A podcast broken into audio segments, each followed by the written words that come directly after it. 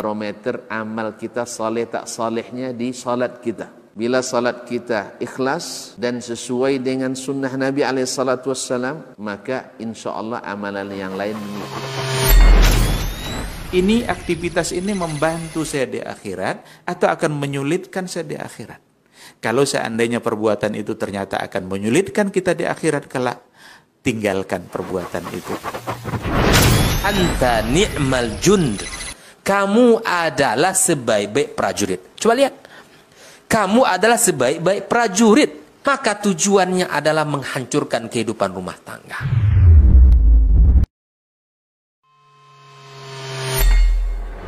Di para sahabat itu, kaum muslimin, yang terbayang bagi mereka itu adalah infak. Yang terbayang bagi mereka adalah sebuah kebahagiaan, keselamatan di akhirat yang kekal dan abadi di sisi Allah tabaraka wa taala. Semua kita boleh klaim sekarang. Kamu cinta Nabi? Cinta Ustaz. Cinta Nabi? Cinta Ustaz. Termasuk saya. Cinta Nabi? Cinta. Dapat tahunya besok di akhirat. Maka apa kata Nabi sallallahu alaihi wasallam? Amalur rajuli biyadihi penghasilan yang terbaik adalah pekerjaan yang dilakukan oleh seseorang dengan tangannya sendiri wa kullu bai'in mabrur. Dan setiap jual beli yang mabrur. Ini aktivitas ini membantu saya di akhirat atau akan menyulitkan saya di akhirat? Kalau seandainya perbuatan itu ternyata akan menyulitkan kita di akhirat kelak tinggalkan perbuatan itu. Wabihi nasta'in ala umurid dunya wad din. Ashhadu أن لا إله إلا الله الملك الحق المبين. وأشهد أن محمدا عبده ورسوله الصادق الأمين. صلى الله عليه وعلى آله الطيبين وأزواجه الطاهرات أمهات المؤمنين.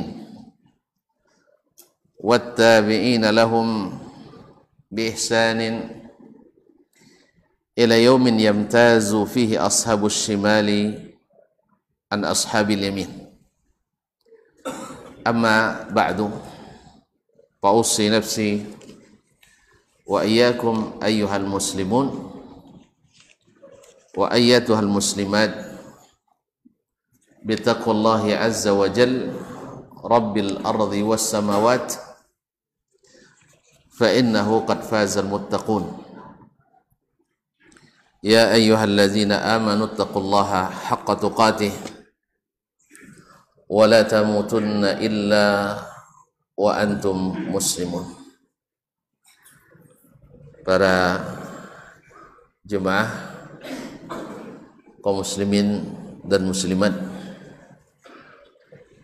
والحاضرين الحاضرين والحاضرات والمشاهدين والمشاهدات Bapak-bapak dan ibu-ibu, saudara-saudara dan saudari-saudari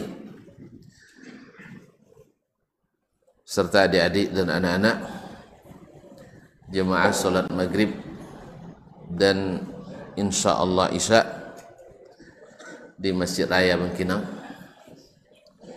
Alhamdulillah kembali kita bersyukur kepadanya atas kesempatan serta kesehatan yang diberikannya pada petang ini Jumat pekan pertama di bulan ini kita diizinkan Allah menyambung kaji bersama Imam Muslim Ibnul Hajjaj Al-Qushairi An-Nisaburi.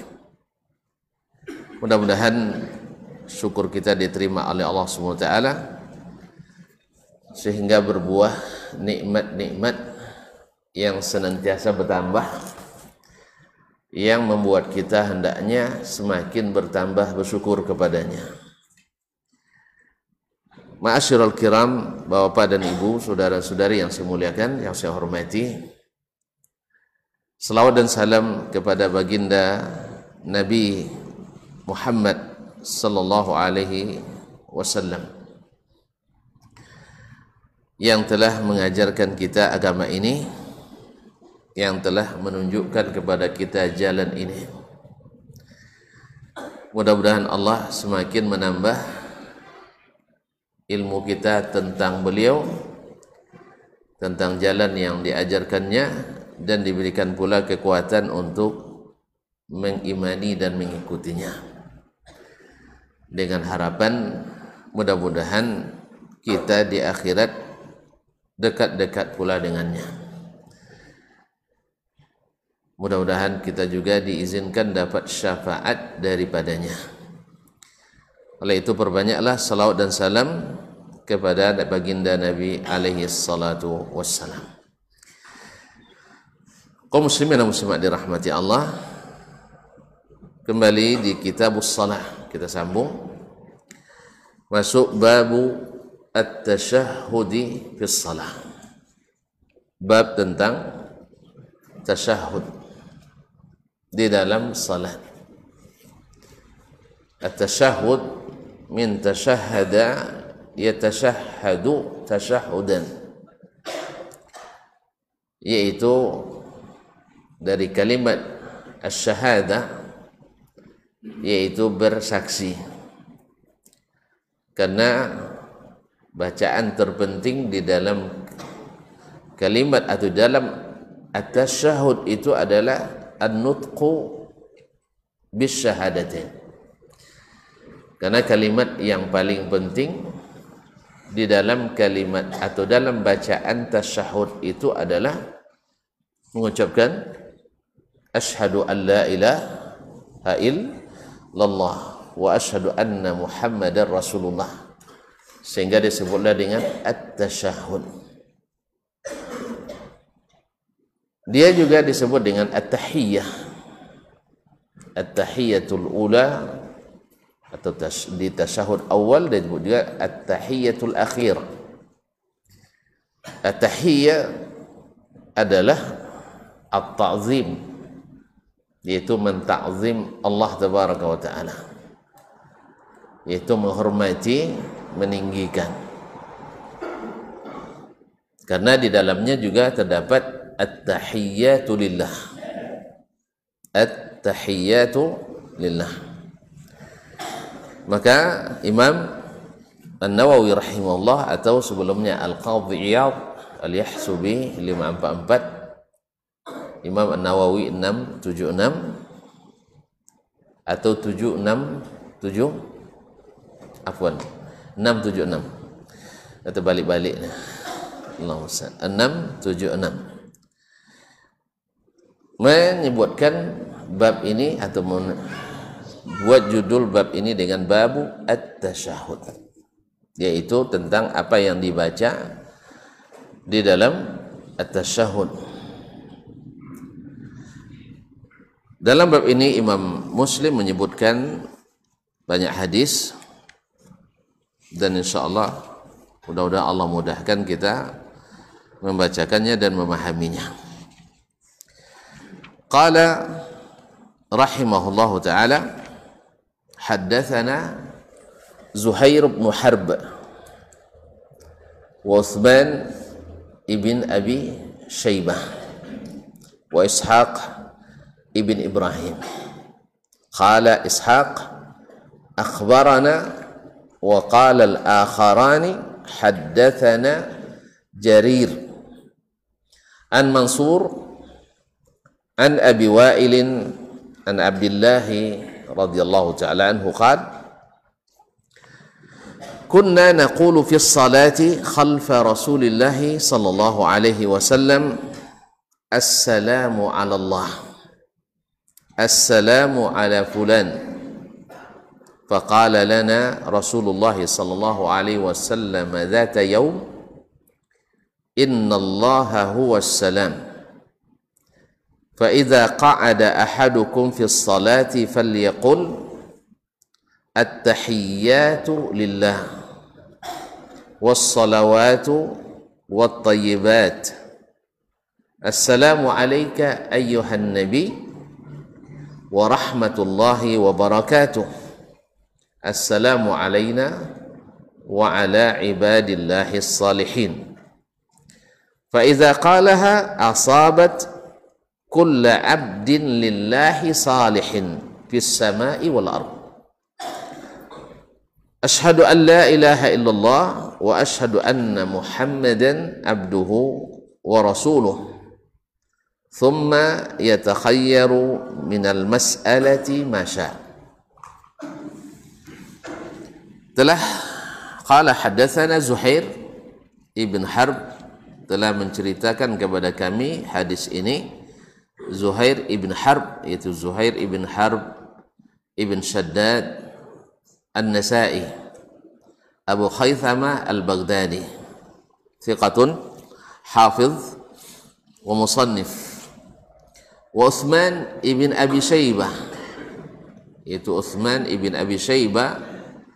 Uthman ibn Muhammad ibn Ibrahim Al-Absi dikenal dengan Uthman ibn Abi Shaybah. Saudara Abu Bakar ibn Abi Shaybah yang sering kita dengar namanya. Karena Imam Muslim paling banyak meriwayatkan hadis dalam kitab As-Sahih dari jalur syekhnya Abu Bakar ibn Abi Syaibah. Utsman juga seperti saudaranya walaupun saudaranya lebih lebih terkenal daripada Utsman. Wa Ishaq ibn Ibrahim. Itu Ishaq ibn Ibrahim ibn Makhlad Al-Hanzali yang dikenal dengan Ishaq ibn Rahawaihi atau Rahuyah. Beliau adalah seorang ulama hadis dan juga seorang ulama fiqih yang disanjung oleh Imam Ahmad ma'abara ilaina Baghdad nahra Khurasan afqahu min Ishaq. Tidak ada yang menyeberang sungai Khurasan menuju Baghdad ini dia asli dari Khurasan tidak ada yang menyeberang surah Khurasan sampai ke Baghdad yang lebih faqih daripada Ishaq ibn Rahuya jadi kalau ketemu dalam kitab-kitab fikih nanti wabihi qala Ishaq wa qala Ishaq yang maksud adalah beliau ini Ishaq ibn Rahawaihi atau Rahuyah Alhamdulillah cuma ada mazhab Ishaqi nggak ada. Subhanallah. Ya itu tanda bahwasanya mereka juga tidak mewajibkan untuk bermazhab karena asalnya tidak bermazhab hukum asalnya. Asalnya kita ittiba ke Nabi sallallahu alaihi wasallam. Kalau ada yang bilang tidak tertib berarti sahabat tidak tertib agama. Tidak sistematis berarti Nabi tidak sistematis mengamal agama. Tapi begitulah, sebagian menganggap kalau tidak bermazhab, tidak tertib, tidak sistematis, kacau. Saya tidak mengerti di mana kacaunya, sampai sekarang tidak paham saya. Ya, di mana kacaunya, saya tidak paham. Tapi tidak apalah, yang merasa kacau, kacau sendirilah. Nah, kalau kita insya Allah, tidak.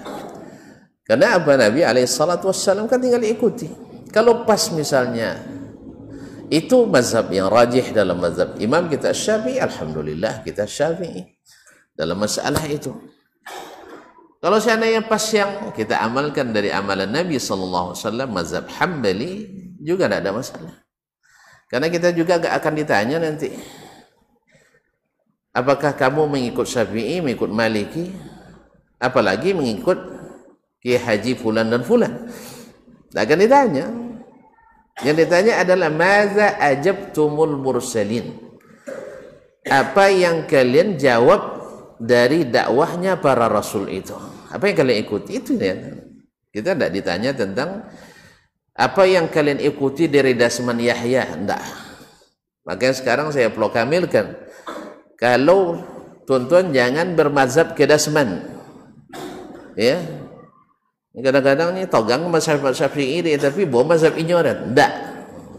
Ya. Jangan patokannya Dasman. Tapi bila Dasman mengikuti Sayyid Waladi Adnan Nabi Muhammad sallallahu alaihi wasallam ikutilah. Sebagian karena memang terbiasa taklid dikiranya kita ngajar taklid. Kita tidak mengatakan eh, seperti kita mengatakan al-iman ya'rizu ilal Madinah iman itu kembali ke Madinah seperti kembalinya ular ke sarangnya Madinah Madinah siapa? Madinah Dasman Madinah Usman Madinah Affan itu siapa? Enggak kita bukan. Ya yaitu yang ijma ahli Madinah. Bukan personal-personal yang tinggal di Madinah atau belajar di Madinah atau pernah lewat di Madinah. Bukan. Ijma'nya ahli Madinah seperti apa Adapun perbedaan pendapat antara satu orang dua tiga dan sebagainya itu bukan. Makanya kita bukan membawa ke personal tidak. Kita bawa kepada ijma'nya ahli Madinah. Karena ijma' ahli Madinah itu kata Imam Malik hujjah. Walaupun diperselisihkan oleh ulama yang lain. Bukan siapa yang pernah belajar di Madinah. Belajar di Madinah banyak kepalanya. Tidak akan sama semuanya. Tapi siapa yang mengikuti sunnah-sunnah Nabi Alaihissalam dengan sebaik-baiknya. Kalau ikhtilaf mesti ada, tidak akan sama. Ya, palo sama nambah bulu, eh, iya, ah, isi, isi babulu juga. Allah mustahil. Isinya berbeda-beda. Jadi bukan personal-personal, apalagi kelompok. Pengajian masjid raya atau pengajian Melayu. Bukan, tidak ada masjid bukan patokan, jemaah bukan patokan, kelompok bukan patokan. Ya. Apalagi mazhab juga patokan, tapi patokan kebenaran adalah ad-dalil. Minal kitabi was sunnah. Wallahul musta'an. Tapi susah memang memahamkannya bagi yang tidak paham. Tapi bagi yang paham, lenggok-enggoknya. Tuan-tuan contoh paham kan? Alhamdulillah. Eh mana nak faham apa? Nak nak nak pernah duduk sih kau, bukan faham. Cuba duduk, insya-Allah pak paham. Ikan belen-belen je di medsos itu tak kan mah paham dah kamu muslim. Iya. Allah musta'an. Kan belen-belen di medsos mana kan paham duduk tak? Sanglah duduk je kan enggak-enggak ngantuk, tak enggak-enggak. Tak enggak-enggak iya kan, enggak-enggak ngantuk. Kadang enggak-enggak curiga leh alhamdulillah dah habis seciknya. Dah habis ciknya. Subhanallah, ngaji tu dapat encik. Orang banyak dapatnya, encik dapatnya. Ya, seperti kita bahas tentang masalah tahun baru kemarin kan, semuanya itu yang ancak dapat nombor cik dia. ya kan, dapat cik nombor. Ia menuinya. Ya, menuinya. Itu yang ditonjolkan. Jelas. Jadi kadang-kadang subhanallah, telinga-telinga itu kadang memang jinaknya ke tempat-tempat yang ha? eh contoh apa? Dia sebabnya para ahli hikmah contoh loba lah. Contoh loba cai tampik nan awun bungo-bungo cai dia. Jen contoh lah lango. Sebanyak bungo hancak dah nampak dia dah nampak. Ha? Buangan-buangan nampak dia. Nak busuk-busuk nampak. Auzubillah. Dia kaum muslimin dan muslimat di rumah. Yang begini tidak akan paham memang. Tidak akan paham. Sekalipun berpuluh-puluh tahun ngaji tak akan paham. Sama dengan orang pergi ke Mekah. Kalau ini carinya yang buruk-buruk, banyak di Mekah yang buruk. Tapi kalau yang cari yang baik-baik, pasti keluar dapat yang baik-baik. Ke Amerika pun itu pergi dapat yang baik. Nah, kalau ada orang yang pernah misal belajar di Mekah, pernah belajar di Madinah, bahkan belajar di Arab Saudi, yang keluar daripadanya yang buruk-buruk terus, berarti itu yang dicarinya karena dia jenis lalat bukan jenis lebah. Kalau jenis lebah enggak. Yang dicarinya yang baik-baik. Masih ingat perkataan Ibu Yahamka kan? Ketika ada yang mengatakan saya ke Amerika enggak ada pelacur katanya. Yang ini ke Mekah ada dapat ketemu pelacur. Kan yang dicari mana tempat pelacur sih Subhanallah. Bihamka enggak. Mana tempat-tempat yang bisa potensi dakwah ilmu di sini? Makanya dapatnya ilmu bukan bukan tempat-tempat buruk makanya biasakan hati mencari yang yang baik. Kaum muslimin ini gara-gara Ishak bin Rahuya. Oh, sengaja panjang-panjang situ kan ya.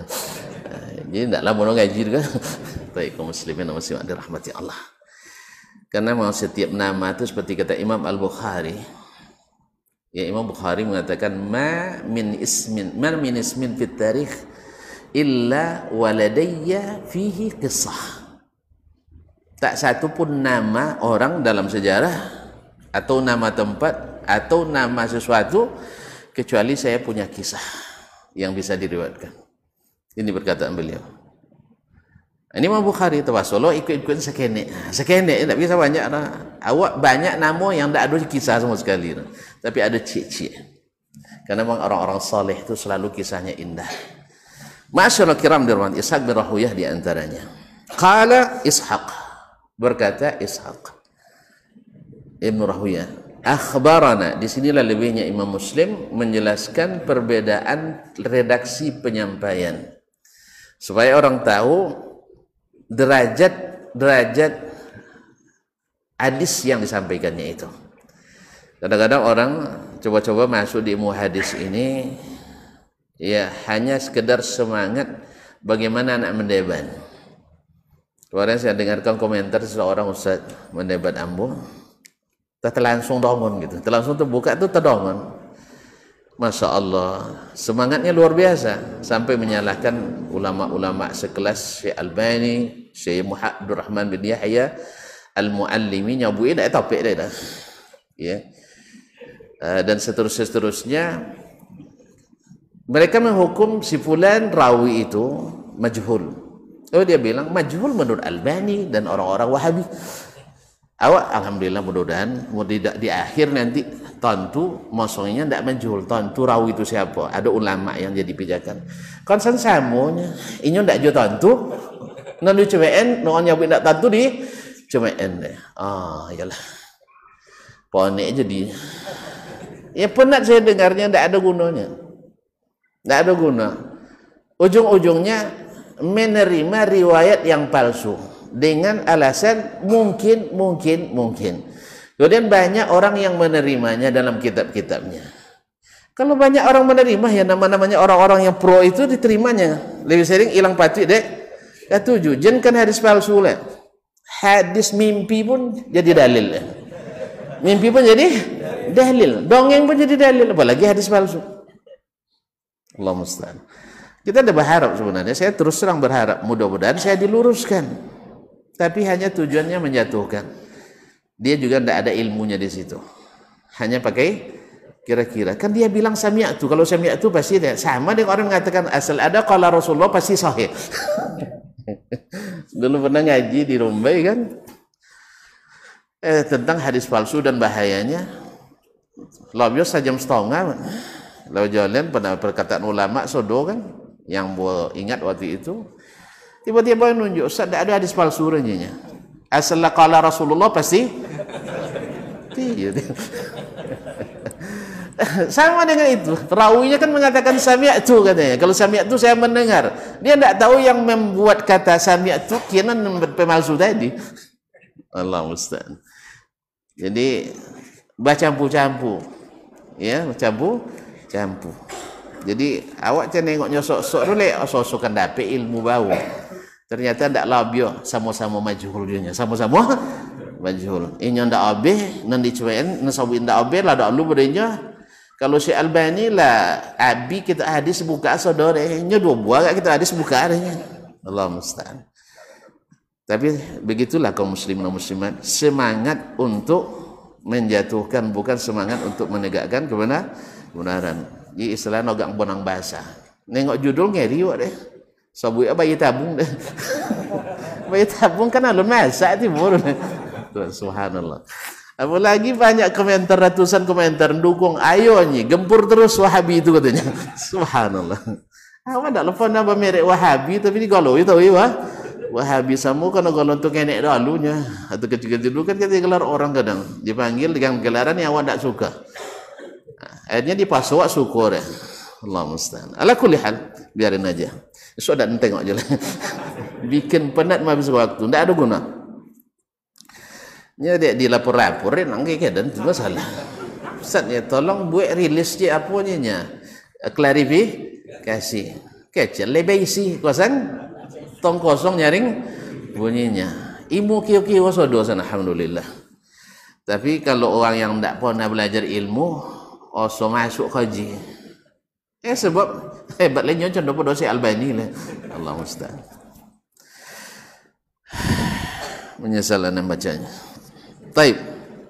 Akhbarana. Jadi Imam eh, Muslim sampai Al-Maghariba mendahulukan Imam Muslim dari Al-Bukhari sebab apa? Karena beliau menjelaskan kalimat-kalimat yang sedetail ini qala ishaq akhbarana karena akhbarana ini dalam ilmu uh, hadis nanti al ada bil akhbarana bisa saja ijazah bisa saja langsung tahdis. Tentu saja ada delapan jenis. Ah, siapa yang ikut nanti ikut kajian ilmu hadis. Cuma lama lupa nanti ya. Allah musta'an.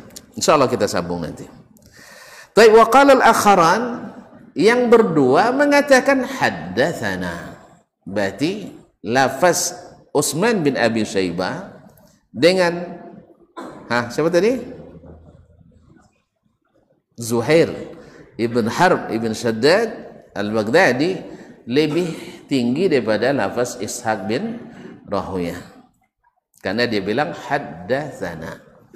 Ini lebih tinggi. Taib haddatsana Jarir Siapa Jarir? Ibnu Abdul Hamid Ad-Dabbi. Ibnu Abdul Hamid Ad-Dabbi An Mansur dari Mansur. Siapa Mansur? Cuaji. Mansur Ibnu Al-Mu'tamir At-Taimi Al-Kufi. Thiqatun faqih an abi dari bapaknya itu Mu'tamir ibn Sulaiman. At-Taimi Al-Kufi An Abi Wa'il dari Abu Wa'il Syaqiq ibn Salamah Syaqiq ibn Salamah Al-Kufi An Abdullah dari Abdullah kalau Abdullah perawinya orang Kufah maka ketahuilah yang dimaksud adalah Abdullah ibn ah, masih lupa Inilah kodok sabuk semuanya bila perawinya dari sahabat yang bernama Abdullah maka Abdullah yang dimaksud adalah Abdullah bin Mas'ud. Abdullah bin Mas'ud radhiyallahu taala anhu. Sebagaimana kalau orang Mekah atau orang Taif meriwayatkan Abdullah maka maksudnya adalah Abdullah bin Abbas radhiyallahu taala anhu ajma'in. Baik. Dia berkata, "Kunna naqulu fi shalah." Dulu di awalnya kami mengatakan di dalam salat khalfa Rasulullah sallallahu alaihi wasallam di belakang Rasulullah sallallahu alaihi wasallam Assalamu ala Allah Assalamu ala Allah Semoga keselamatan kepada Allah Ada hadis tapi tidak sahih ketika Nabi Mi'raj datang ke sampai ke suatu tempat yang Jibril saja tidak sampai ke situ. Yang Jibril saja tidak sampai di situ. Sehingga berdasarkan riwayat ini, sebagian orang mengutamakan Nabi kita lebih mulia dari malaikat Jibril. Ala kulli hal ini tarapun ilmi.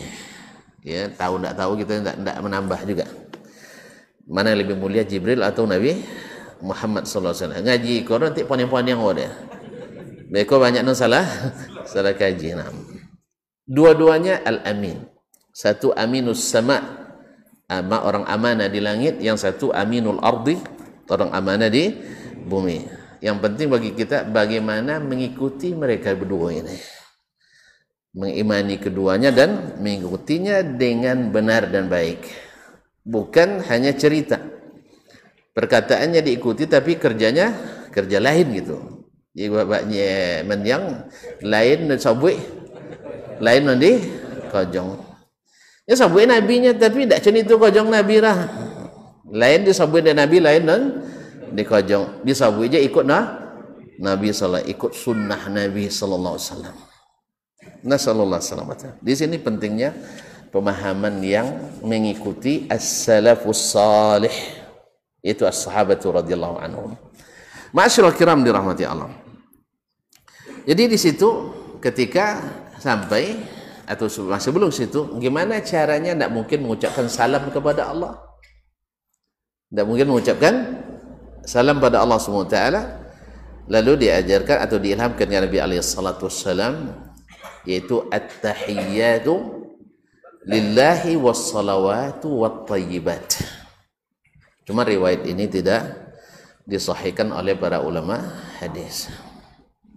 Kemudian Allah membalas assalamu alayka ayyuhan nabi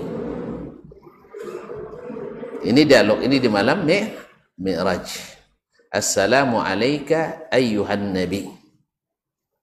Salam kepadamu wahai nabi. Sallallahu alaihi wasallam. Wa rahmatullahi wa barakatuh kemudian nabi menjawab assalamu alayna wa ala ibadillahi as-salihin. Ini sabab urutnya hadis tahiyat ini. Cuman tadi tidak disahihkan oleh ulama hadis. Sebab kalau didongon kisah kan asyik juga asli dari dialog Nabi dengan Allah SWT di malam Mi'raj ke langit. Cuman sayang tidak disahihkan. Baik, kaum muslimin dan muslimat dirahmati Allah. Assalamu ala Allah yang dibaca oleh para sahabat waktu itu. Assalamu ala fulanin salam terhadap si fulan dan si fulan. Faqala lana Rasulullah sallallahu alaihi wasallam Lalu Rasulullah sallallahu alaihi wasallam mengajak kata-kata kepada kami suatu hari innallaha huwas salam. Sesungguhnya Allah adalah as-salam. Karena di antara nama Allah adalah as-salam. Huwallahul Allah al-Malikul Quddusus Salamul Muhaimin. Yaitu Allah uh, salah satu namanya adalah As-Salam. Jadi tidak mungkin kita ucapkan Assalamu ala salam. Ya keselamatan kepada As-Salam. Makna As-Salam menurut yang dinukil oleh Imam Nawawi antaranya adalah al-musallim li ibadihi yang menyelamatkan hamba-hambanya. Atau dengan makna al-musallim ala ibadihi yang senantiasa mengucapkan salam kepada hamba-hambanya. Menyelamatkan mengucapkan salam. Makna-makna semuanya itu tidak bertentangan insyaallah taala. Jadi Allah adalah as-salam. Lalu Nabi katakan iza qa'ada ahadukum fi salati apabila seseorang kalian duduk dalam salat. Nabi tidak jelaskan duduk apa ini. Sebab mereka dah paham. Sebab yang dibaca adalah doa di tahiyat atau tasyah, tasyahud. Makanya bahasa Arab itu begitu kaum muslimin dan muslimat dirahmati Allah. Siap dan sibaknya saling menunjukkan makna. Ketika ditinggalkan siak, sibak kadang salah paham.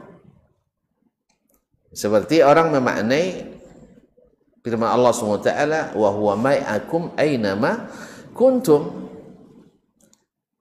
Dia di mana kamu berada, dia ada di situ.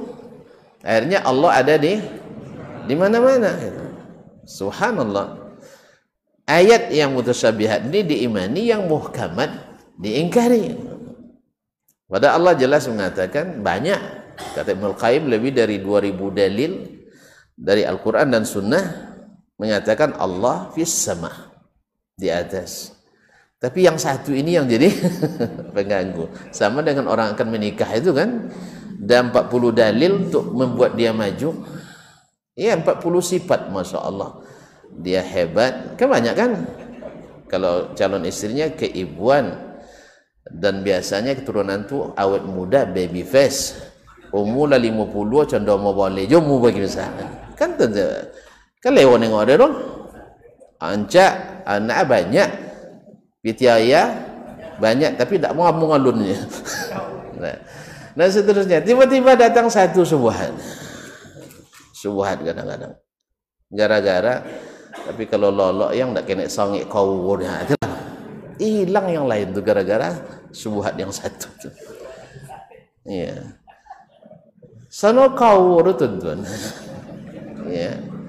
Tak baik tuan-tuan. Tuan-tuan nanti cubalah tinggal di kota besar. Di kota besar. Di Jakarta misalnya. Itu Honda selalu di Tepalo. Saya pernah tidur di tempat kawan. Tak pernah lengang ini suara motor, suara mobil, suara bemo, suara orang itu. Misalnya air. Alhamdulillah bakau aja lolok. Jadi sebenarnya gampang. Memang gua pikirin. Selesai masalah. Memang gua pikirin. Tapi kalau sudah berpikir dari awal nih, bapak cerololok runya kau kawan nih. Akhirnya tidak bisa tidur. Ini rumusnya, tidak usah dipikirin. Sebab orang tu pukul tiang listrik setiap satu jam, satu jam, kan tuku ada listrik lah. Mana sangat kawur pada tiang listrik? Hah? Saya tiang listrik lah. Kan tak terganggu orang? Alhamdulillah. Bagi yang Allah. Tapi nal suku terganggu tahuin je lah. Yang menderita sepanjang masa. Nikmatnya sementara kan. Tapi menderita sepanjang masa. Masyaallah kira gara-gara subuhat tadi hilang. Padahal di ayat itu sendiri ada tafsirnya. Ya'lamu sirrakum wa najwakum. Apa ayat itu ya? Ya'lamu sirrakum wa najwakum. Tahu dia rahasia-rahasia kalian. Uh, Ma'asyiral kiram yang dirahmati Allah SWT Allah mengetahui berarti ilmunya di mana kamu kamu berada Allah mengetahuinya berarti ilmu dan ma'iyah di sini ma'iyatul ilmi sebab siaknya menafsirkan sibaknya Ma'asyiral kiram dirahmati Allah SWT dan banyak lain-lain lagi. Jadi ketika Nabi tidak menyebutkan fa iza qa'ada ahadukum fis salati tidak disebutkan tasyahud. Karena dari falyakul hendaklah dia mengatakan at-tahiyat oh ini bacaan ketika duduk bukan bacaan ketika i'tidal bukan bacaan setelah takbiratul ihram. Bukan bacaan antara dua sujud. Jelas ya? Dan bukan sedang ruku dan bukan sedang sujud. Maka kalimat duduk itu sudah mewakili yaitu duduk tasyah tasyahud. Falyaqul at-tahiyatu lillah. Segala tahiyat tahiyat itu ta'zim. Kenapa dipilih tahiyat sebab orang-orang dulu orang-orang Arab raja-raja Arab atau penguasa-penguasa Arab itu dulu itu mereka ditakzim dengan kalimat at-tahiyat. Maka kalimat ini dikembalikan semuanya hanya untuk Allah. Allah yang patut ditakzim sebagaimana alhamdulillahi rabbil alamin. Pujian yang sesungguhnya hanya milik Allah segalanya. Tahiyat semuanya hanya milik Allah sedangkan tahiyat-tahiyat itu adalah sebenarnya Allah izinkan untuk hamba-hambanya yang sebenarnya sesungguhnya adalah milik Allah Taala Taala. Artinya tidak boleh ditakzim seperti Allah kecuali Allah saja. Karena at-tahiyat di sini mengandung makna al-khudu' wal inqiyad, tunduk dan patuh. Wat tayyibat dan segala yang baik-baik. Kalimat-kalimat yang baik, amalan-amalan yang baik. Afwan, was salawat dan segala segala doa As-salatu dalam bahasa Arab maknanya adalah ad-doa. Kenapa salat atau uh, ibadah itu yang kita laksanakan salat itu disebut salat karena isi dan intinya adalah doa. Maka disebutlah dengan uh, as-salah. Segala doa hanya boleh diberikan kepada Allah Tabaraka Taala. Makanya salawat ke Nabi wasallam disebut juga dengan sa dengan sa dengan salat. Mufradnya salat, jamaknya salawat. Indonesia salawatan. Itu aja. Sebenarnya salah sebenarnya itu. Harusnya jamaknya salawatin, bukan salawatan. Nah, kalau salatan boleh, tapi salawatin atau salawatun, bukan salawatan. Nah, ini salah nahunya nih. Ini kayaknya perlu belajar nahu lagi nampaknya. Kalau tahlilan masuk. Tahlilan karena memang halala yuhallilu tahlilan. Masuk. Jelas? Wiridan masuk. Nah, wiridan boleh. Wir dun wir dan wirdin. Nah, masuk. Tapi pas salawatan kurang kayaknya. Ya, Allah musta'an. Ma'asyiral kiram dirahmati Allah SWT. Jadi salawat adalah eh, apa namanya wassalawat segala doa hanya boleh diberikan dan ditujukan kepada Allah tabaraka wa taala maka kaum muslimin dan muslimat Allah sangat cemburu kalau doa ini kita berikan kepada selah selainnya. Apalagi diberikan kepada orang yang sudah mati pula. Ini memang gara-gara orang mati banyak orang ribut jadi ya nyala mati lah ribut orang gara-gara itu itulah mungkin wallahu alam hikmah yang disebutkan oleh ulama kenapa di awal Islam itu ziarah kubur itu dilarang apa sebab karena Coba sejarah syirik terjadi itu gara-gara orang yang sudah dikubur. Orang-orang yang sudah dikubur. Itu orang-orang soleh yang sudah mati. Lalu di diskeramatkan. Makanya di awal-awal Islam karena jahiliyah dulu memang seperti itu, mereka punya tempat-tempat orang-orang soleh yang dianggap yang dianggap dekat dengan Allah sehingga mereka berdoa melalui orang-orang saleh itu. Maka di awal Islam tak boleh ziarah kubur, takut tercampur ziarah jahiliyah dengan ziarah syar'iyah.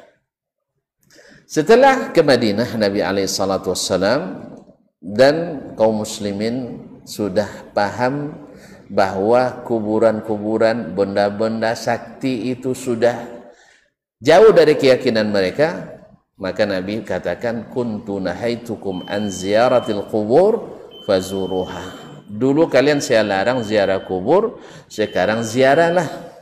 Lalu Nabi jelaskan adab-adabnya. Di antaranya adalah fa innaha tuzakkirukumul maut. Karena mengingatkan kalian pada kematian. Kemudian Nabi ajarkan pula berdoa untuk orang yang dikuburkan. Bukan berdoa melalui orang yang dikuburkan subhanallah. Nah bila iman seperti ini lemah kembali akhirnya orang menghidupkan kembali apa keyakinan-keyakinan yang dulu umat pertama umat Nabi Nuh alaihissalam disesatkan mulai dihidupkan orang kembali. Sehingga dengan demikian akhirnya kadang-kadang orang lebih lebih menghormati kuburan daripada mengubar mati masjid. Alhamdulillah nggak ada orang saya dengar membakar kuburan kan tidak ada lah ya takut kualat dia. Tapi membakar masjid sudah sering terjadi. Ini sangat disayangkan kaum muslimin dan muslim. Apa pun alasannya membakar masjid tidak boleh dilakukan. Apa pun alasannya. Sekalipun tak sepaham sesat pun sekalipun. Tidak boleh dibakar. Ya kecuali dengan kalau ada nabi lalu dipatuakannya. Ini harus dibakar iyalah nabi membakar masjid dirar karena memang Allah yang turunkan ayat tentang itu malaikat jibril yang bawa wahyu kepada nabi SAW sekarang tuan-tuan siapa yang mewahyukannya Pasti wangsit itu.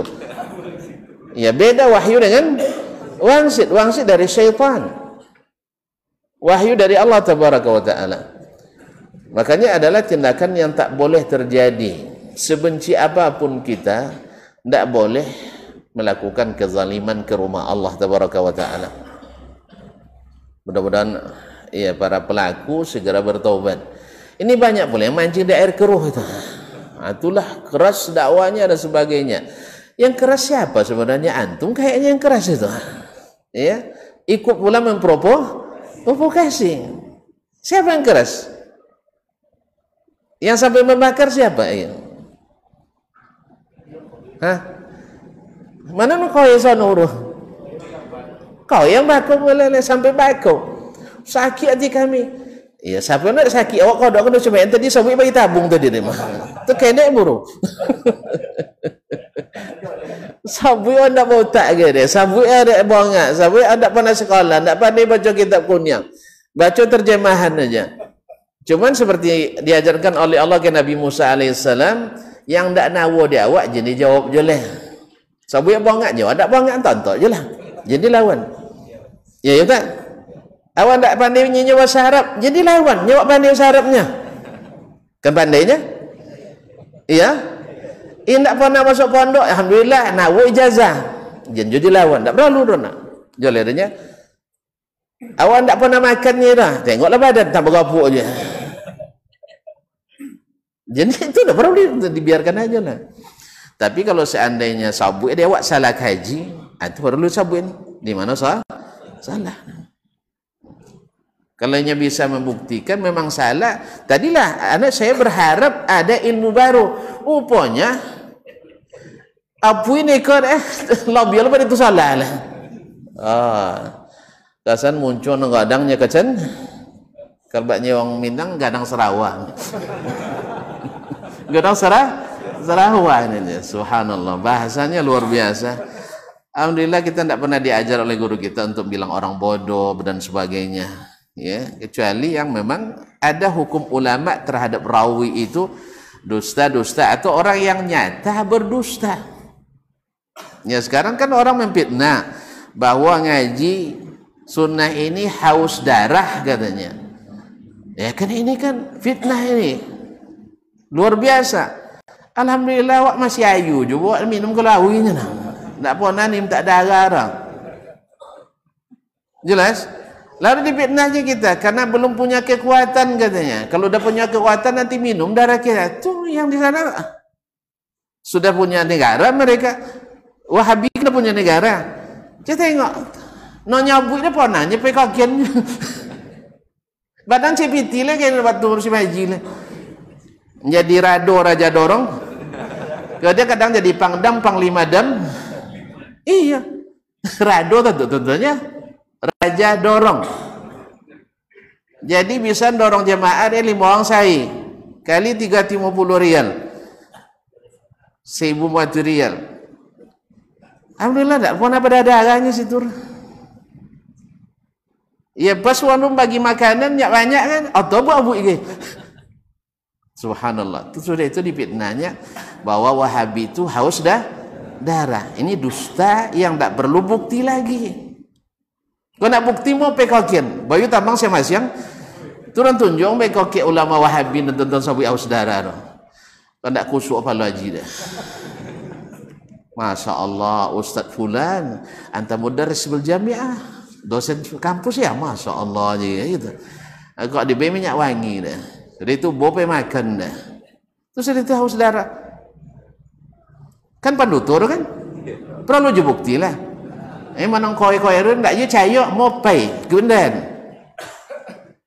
Eh gundan. Liran tunjuk macam apa wahabin haus? Darah tu. Jadi fitnah seperti ini kaum muslimin dan muslimat. Kalau tunggu berkuasa mereka sudah berkuasa. Oh ndak ada syekh dulu pernah mengatakan seperti itu. Syekh itu perlu diklarifikasi karena beliau sendiri mati di situ juga ndak dibunuh doang dah Jalannya, Padahal dia nuli kitab fitnah-fitnah isi tapi tetap hidup di situ sampai mati. Dutonya enggak? Duto enggak share? Duto. Karena memang dulu banyak juga syekh yang non dulu-dulu banyaknya syekh nampan pan anu tu ada hafiz hafalannya kuat tapi kazab pendus pendusta sehingga hadisnya tidak diterima. Yang nyata-nyata seperti ini kaum muslimin dan muslimat dirahmati Allah itu perlu juga bukti dusta lagi. Ialah bahasa asuk muncul dek. Dek duto nasallallahu assalamualaikum afiyah. Baiklah kaum muslimin dan muslimat. Aku sampai kokin cerita tadi saya dia waktu azan? Ah tahu dia azan tu dia tahu là tak đại azan dần tu, tu tiba bố học Nah. Allahu Akbar, Allahu Akbar. Allahu Akbar. Allahu Akbar.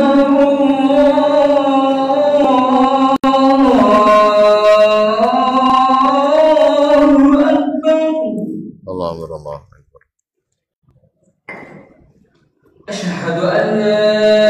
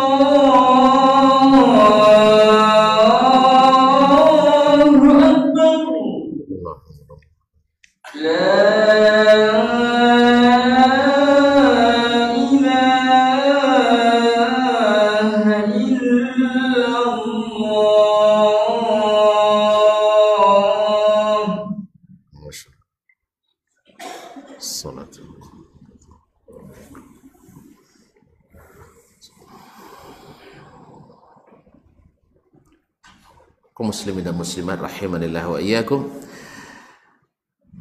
Jadi assalamu alayka ayyuhan nabi. Dia tadi kan dinukil dari kejadian Mi Miraj. Itu salam dari Allah kepada Nabi alaihi salatu wasallam sayang riwayatnya tidak tidak sahih. Tapi bacaan ini sahih dari Nabi sallallahu alaihi wasallam kisahnya tadi yang tidak tidak sahih. Kalau ada pernah terdengar atau pernah saya sampaikan dalam khutbah mungkin saya waktu itu tidak jelaskan derajatnya. Insyaallah sekarang saya jelaskan. Wa barakatuh. Assalamu alaina wa ala ibadillahi salihin. Dan salam pula kepada kami. Ini dalam riwayat tadi bahwasanya Nabi menjawab ketika Allah mengatakan assalamu alayka ayyuhan nabi. Nabi men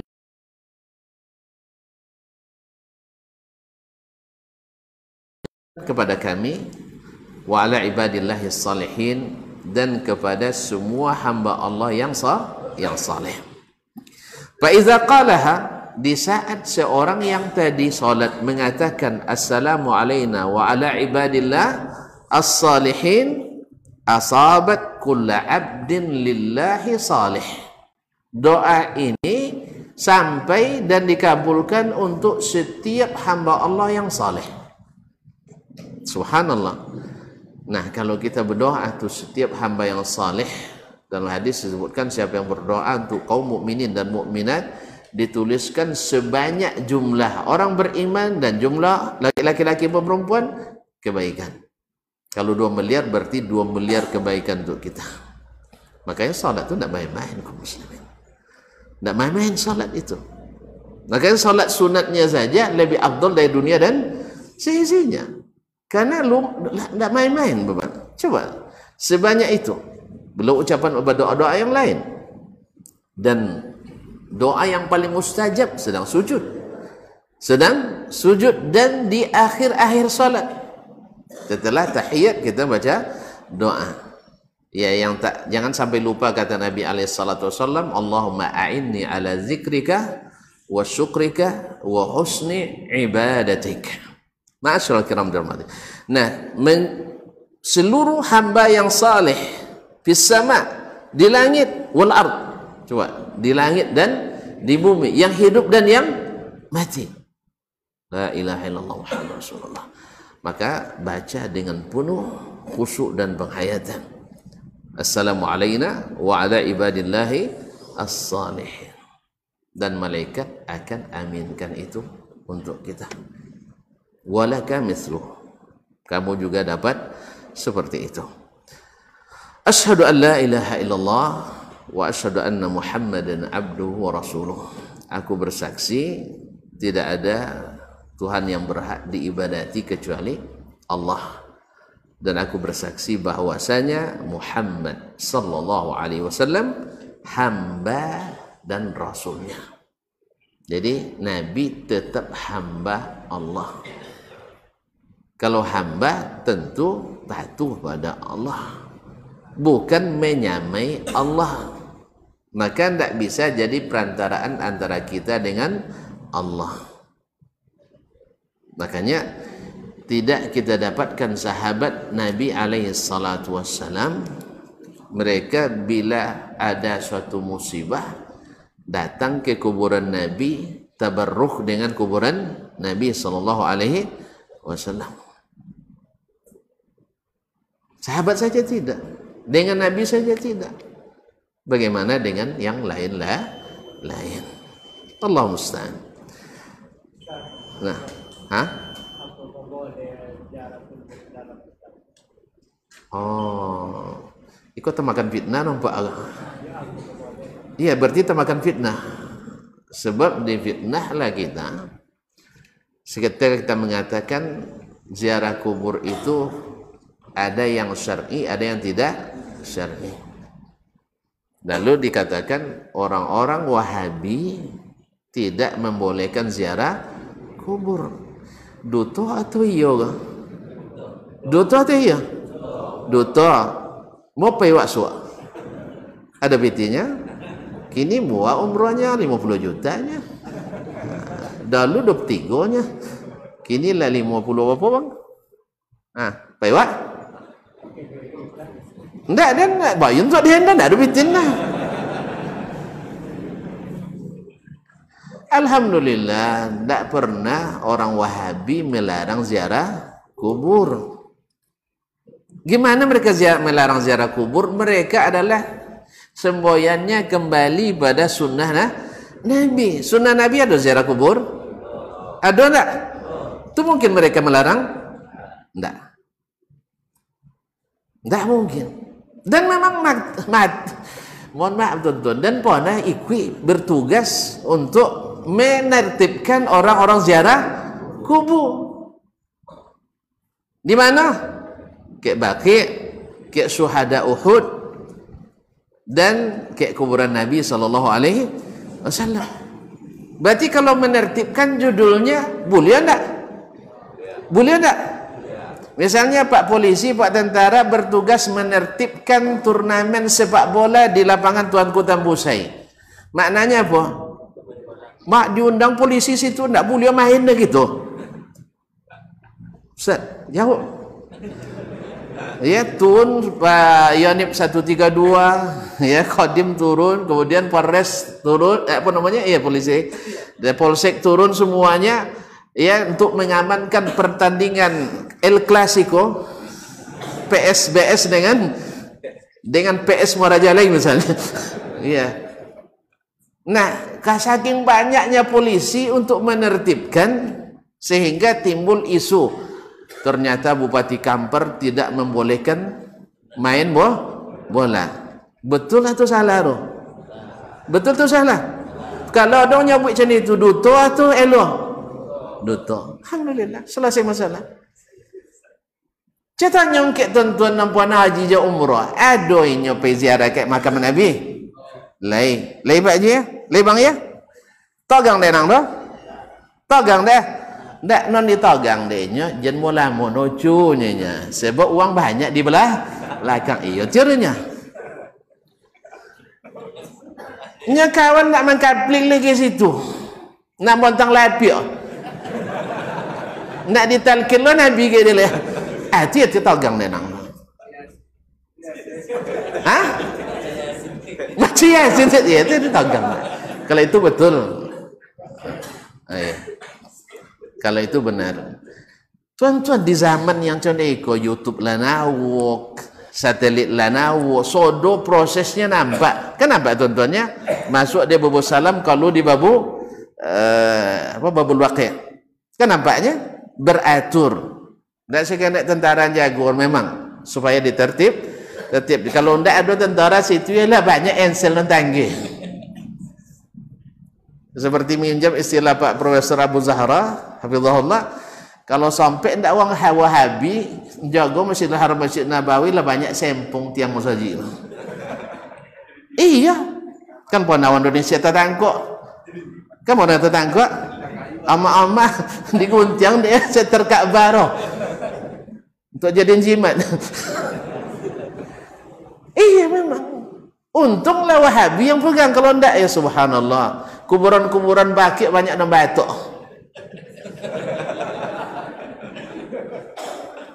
Batuk tu batuk.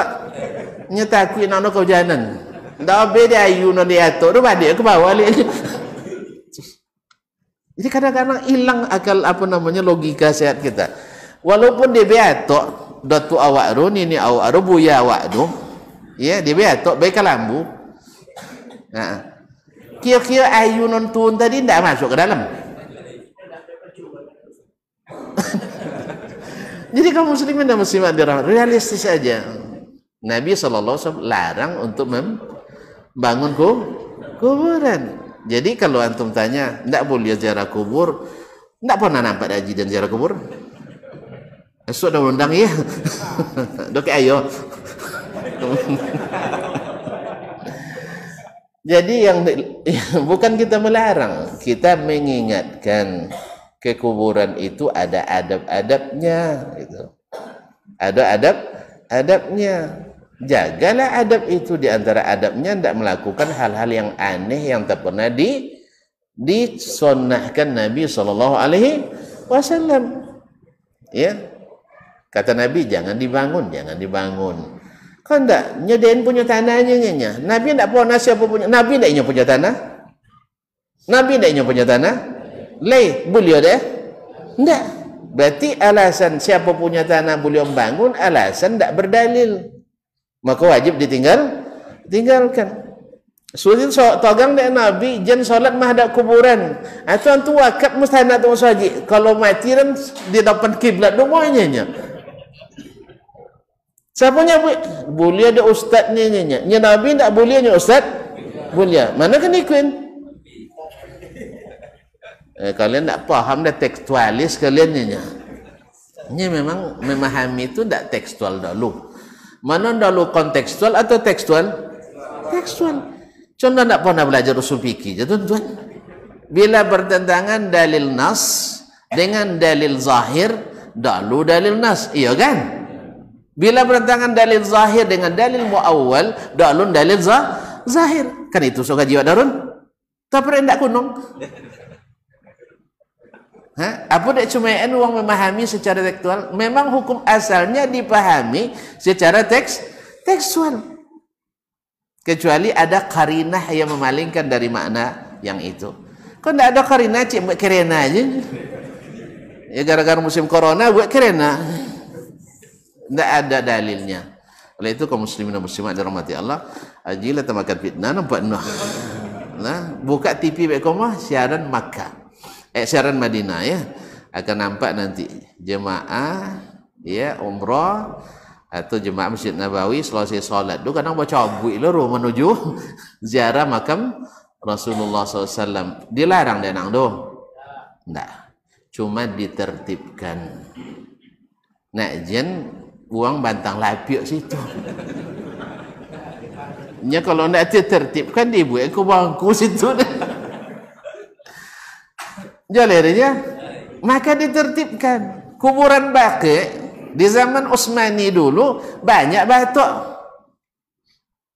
Banyak bah batok itu yang dihilangkan oleh keluarga Ali Saud. Karena Nabi melarang tak rujukan nabinya bukan peninggalan sejarah. Kalau pakai pikiran ini kan situs sejarah kan itu kan. menjaga kearifan lokal kearifan lokal mana zaman Nabi kan tidak ada kearifan lokal tu dah Kalau kearifan yang dibawa dari Turki bok kokian nah, sudah itu dianggap kearifan lokal Madinah. Padahal bu bukan. Kan samanya banyak kearifan lokal yang aslinya tinggalan penjajah Belanda kan? Dijadikan kearifan lokal. Nasallallahu alaihi wasallam wa ta'ala Jalannya. Ya mana ndak jo cayo mo pai dambo. Nak nengok kuburan baki mo, nengok maklah mo, tapi boyun tombang dan. Ini tuan-tuan ragu dah lah yakin dah nampak dan. Bahkan pona yang bertugas di situ. Kalau tuan-tuan pona ziarah ke suada Uhud tu ada nanti ceramah bahasa Indonesia, itu dah yendu. Foto kaset dah. Sampai umroh terakhir petang masih ada je boleh. Tak tiapal soden. Ha? Soden di, di, di Uhud dulu. Tak ada cerita mana orang ziarah ke Uhud, tak ada. Bahkan ahlan wa sahlan marhaban. Bahkan bersiapkanlah hadiah untuk yang datang ke Okin tu. Nya sebab Nabi sallallahu alaihi wasallam sering ziarah ke syuhada Uhud, sering ziarah ke Baqi ketika hidupnya. Itu yang kita ikuti. Cuman membuat kubah di situ ya dia togang dek Nabi bantang lapik di situ ya dan lain-lainnya memang tak apalagi buat kubangku manulin nama ya togang dek nabi mengapunya mancatnya togang dek nabi buat batu pialam togang dek nabi itu yang dilakukan Ambil itu yang mereka tegakkan sampai kuburan rajanya sendiri tidak pakai tidak pakai tidak pakai merek, tidak pakai porselin, tidak pakai kelambu. Nyapu ke lampu kan untuk nyamuk saya. Tolak je nyamuk gigi dulu lah. Lah dalam tanah dua. Di mana letak penghormatan kita? Ma'asyiral kiram dirahmati Allah SWT. Ini yang kita inginkan. Luruskan ini. Karena memang di saat kuburan ditakzim, akhirnya orang akan hulu terhadap kuburan. Sehingga kuburan jadi diganggu. Musa Haji boleh untung.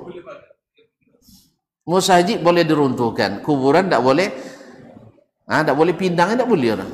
Tapi kalau buat lapangan bola bolehnya, tapi buat masjid tak boleh. Kalau ada nak buat lapangan bola ke kuburan tu, itu boleh balik orangnya. Musyawarah kampung ada ya. Iko nak buat lapangan bola weh. Ha, kan ada turnamen El Clasico sih ya.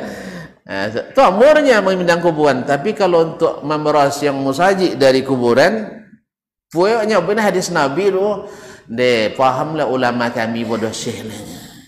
Wang potong Melayunya. Kalau lahir ni ni ulama kami lah nak urutnya. Jalan tuan-tuan. Jadi kalau ada jantan makan fitnah tak? Ha? Makan fitnah. Ya ada TV rumah. Lain? Lainnya? Dan ada TV lah. Nya dalam nengok tak dan pernah tuju TV lah nak. Tengok ke TV tu kalau kalau apa tidak ada TV rumah sehingga di di apa di Qadain ada TV bukan tolong teh bukan channel Madinah cik share ha? dan nak buktikan ada tak Wahabi melarang ziarah kubur dah ada sama dengan tawasul juga dilarang kita tawasul katanya. Tidak ada tawasul yang disyariatkan ada syariat tawasul yang tidak disyariatkan. Allah musta'an. Ada yang disyariatkan ada tidak. Semuanya dipilah mana yang sunnah mana yang tidak mana yang sunnah mana non sun non sunnah itu aja masalahnya. Kita ikut yang sunnah non sunnah sedapat mungkin kita hindarkan. Karena non sunnah selalu mengundang perdebatan. Hadis tentang itu juga debat ada alulnya membuat hadisnya saja. Innal hamdalillah lah lain seorang kalau nyebut. Kalau la innal hamdalillah kau pasti wahabinya. Subhanallah. Ini terpasuk di puasan ke ustaz-ustaz siko ndak boleh alhamdulillah ustaz. Tapi dia pokok selain itu. Ya, itu terpasuk alhamdulillahillazi arsala rasulahu bil huda wa dinil haqq. Ini sama arti tiba baik korangnya. Allah Ustaz. Mohon maaf kaum muslimin dan muslimat gara-gara pertanyaan antum. Eh, anak jadi bersemangat jawabnya. Kenapa dusta yang dipelihara? dusta yang dipelihara. Wahabi melarang ziarah kubur. Sebab apa nomor haji? Eh mana tentu sudah nak ziarah kubur nak tunjuk kan? Tapi dia tidak Wahabi, dia tonton galaunya. Iya, tidak ada kartu Wahabi, tidak ada. Nah, Alhamdulillah. Nya dengarlah padik galau sih, Alhamdulillah. Sufi dan juga. Iya, Sufi. Hizbi dan juga. Apa lagi? Salafi dan juga. Wahabi dan juga. Sodo masuk. Nah. Asururi. Maksudnya yang sururi. Cuma tidak ada ambut kartu si Abu Ya, wong sufi tidak diakui dan daerah. Wong sururi tidak diakui dan daerah. Allah musta'an. Ada sururi sekarang? Ah, urus kartu. Allah musta'an. Kaum muslimin dan muslimat, kita tidak berdakwah ke golongan tidak, ke pribadi apa lagi. Yang mazhab aja tidak begitu kita kan. Artinya mazhab boleh. Dengar ustaz boleh. Ngaji dengan siapa pun boleh. Asal manhajnya ahli sunnah. Ahli sunnah. Siapa ahli sunnah itu? Yang pasti ahli sunnah semuanya sahabat. Jadi kalau ijma sahabat, ikuti itu. Tapi yang belakangan banyak yang ngaku. Semuanya mengaku ahli eh, sunnah. Tapi pas datang sunnah, ndak itu mukoswi, itu mana mukoswi? Nabi berbicara bahasa Arab, Ustaz itu berbicara bahasa Arab. Hah? Apa di siko ceniko sama kayak bahasa Arab paham, zahir makna diambil, pas Nabi ndak zahir makna diambil. Jelas? Dia sebenarnya mengelak dari sunnah Nabi alaihi salatu wassalam. Baik. Deh, gara-gara Haji bertanya, Hah? Kita cukup sampai di sini dulu. Karena ada beberapa hadis lagi. Intinya hadis ini salah satu dari lafaz tahiyyat atau tasyahud yang diajarkan Nabi SAW. Nanti ada khilaf di antara ulama di antara tasyahud itu ada tasyahud yang diriwayatkan oleh Abdullah bin Mas'ud, ada yang diriwayatkan oleh Abdullah bin Abbas, ada yang diriwayatkan oleh Umar bin Khattab radhiyallahu anhu dan ada Abu Musa al-Ash'ari lama khilaf mana yang paling abdul di antaranya melihat dari kesahihannya hadis ini. Hadis ini yang paling sahih di antara riwayatnya karena ada oleh Imam Bukhari dan Mus Muslim. Ada yang mendahulukan lafaz Umar bin Khattab ada yang mendahulukan lafaz Ibnu Abbas dan seterusnya. Insyaallah sampai pertemuan selanjutnya kenalun sudah dah tanya lu tuh. Iya kalau sudah dah ya, tanya lu. Nyanyi langsung tanya juga nah iya sah Ya saja nanti sudah ada lu buat tanya kan enggak dipotong ada akhirnya kita potong gaji. Baik, terima kasih dan mohon maaf. Sampai jumpa kembali insya Allah. Mudah-mudahan kita jauh dari segala fitnah dan subuhat karena yang benar itu jelas dan terang. Bukan dengan melahirkan fitnah dan provokasi, apalagi persekusi dan demonstrasi. Kita yang jelas-jelas saja. Yang mau silahkan diikuti, yang tidak semua akan bertanggungjawabkan. Ya tapi memang kewajiban dakwah itu adalah ilmu mesti disampaikan. Kalau tidak kita akan dikekang dengan api neraka. Yang kita baca jelas riwayatnya. Alhamdulillah kita pakai silabus. Karena ada juga yang bilang tidak pakai silabus sudah nyinya ya nyong asal komentar banyak. Bapak corokan lama itu kan? Tidak apa-apa tidak apa-apa. Tidak perlu dijawab karena kita tidak seperti yang di yang dikatakan ya tidak seperti yang dikatakan jangan sibuk-sibuk jawab pone orang. Biarnya mereka pone. Biar mereka pone. Insya Allah kita insya Allah ngaji seperti yang dicontohkan oleh para ulama kita khususnya yang ahlu sunnah wal jamaah. Terima kasih dan mohon maaf. Taala alam. Wa sallallahu ala nabiyyina Muhammad wa sallam wa subhanakallah bihamdik asyhadu an la ilaha illa anta astaghfiruka wa atubu ilaik wassalamualaikum warahmatullahi wabarakatuh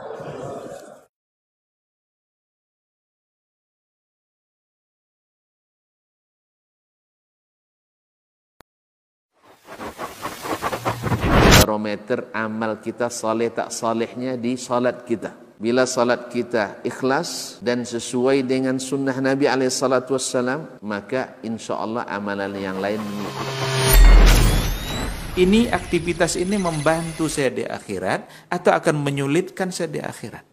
Kalau seandainya perbuatan itu ternyata akan menyulitkan kita di akhirat kelak, tinggalkan perbuatan itu. Anta ni'mal jund kamu adalah sebaik-baik prajurit. Coba lihat. Kamu adalah sebaik-baik prajurit.